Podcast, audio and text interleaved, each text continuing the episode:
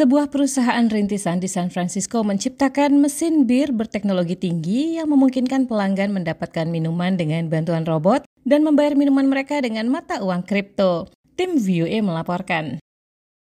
Nama perusahaan itu Pabino. Perusahaan teknologi itu sebelumnya sudah dikenal dengan teknologi kecerdasan buatannya yang memungkinkan robot menuangkan bir ke dalam gelas. Kini perusahaan tersebut menggandengkan teknologi ini dengan sistem transaksi pembayaran modern mata uang kripto. Pendek kata, jika Anda masuk ke sebuah bar yang mengaplikasikan teknologi Smart Tap yang diciptakan Pabino ini, Anda tidak memerlukan uang kontan atau kartu kredit. Cukup pilih bir yang Anda inginkan dan pindai kode QR melalui aplikasi mata uang kripto seperti Bitcoin di ponsel Anda.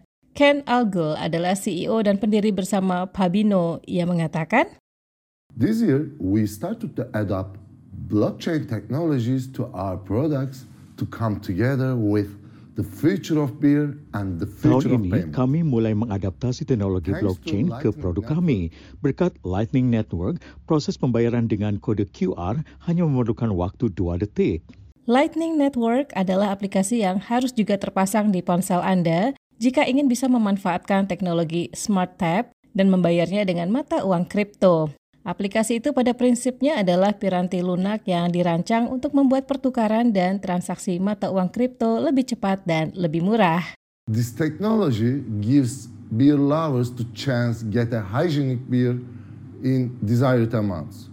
On the other hand, bar owners SmartTap dengan teknologi blockchain memberi kesempatan kepada pecinta bir untuk mendapatkan bir yang higienis dalam jumlah yang diinginkan.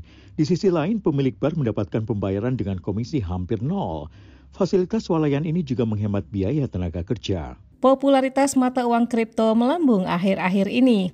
Banyak pembuat kebijakan berkutat mencari cara mengaturnya di tengah kekhawatiran bahwa mata uang kripto dapat mengancam stabilitas keuangan dan merugikan konsumen.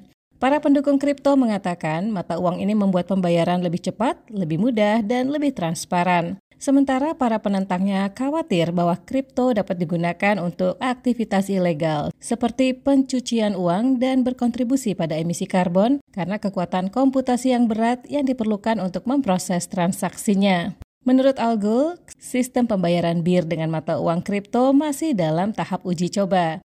Meski demikian, katanya, mengingat Smart Tap sudah digunakan di 30 kota di lima negara sejak diluncurkan pada tahun 2016, sistem pembayaran ini kemungkinan akan mulai berlaku dalam waktu dekat. Sekian laporan tim VOA Arif Budiman, Lea Johannes.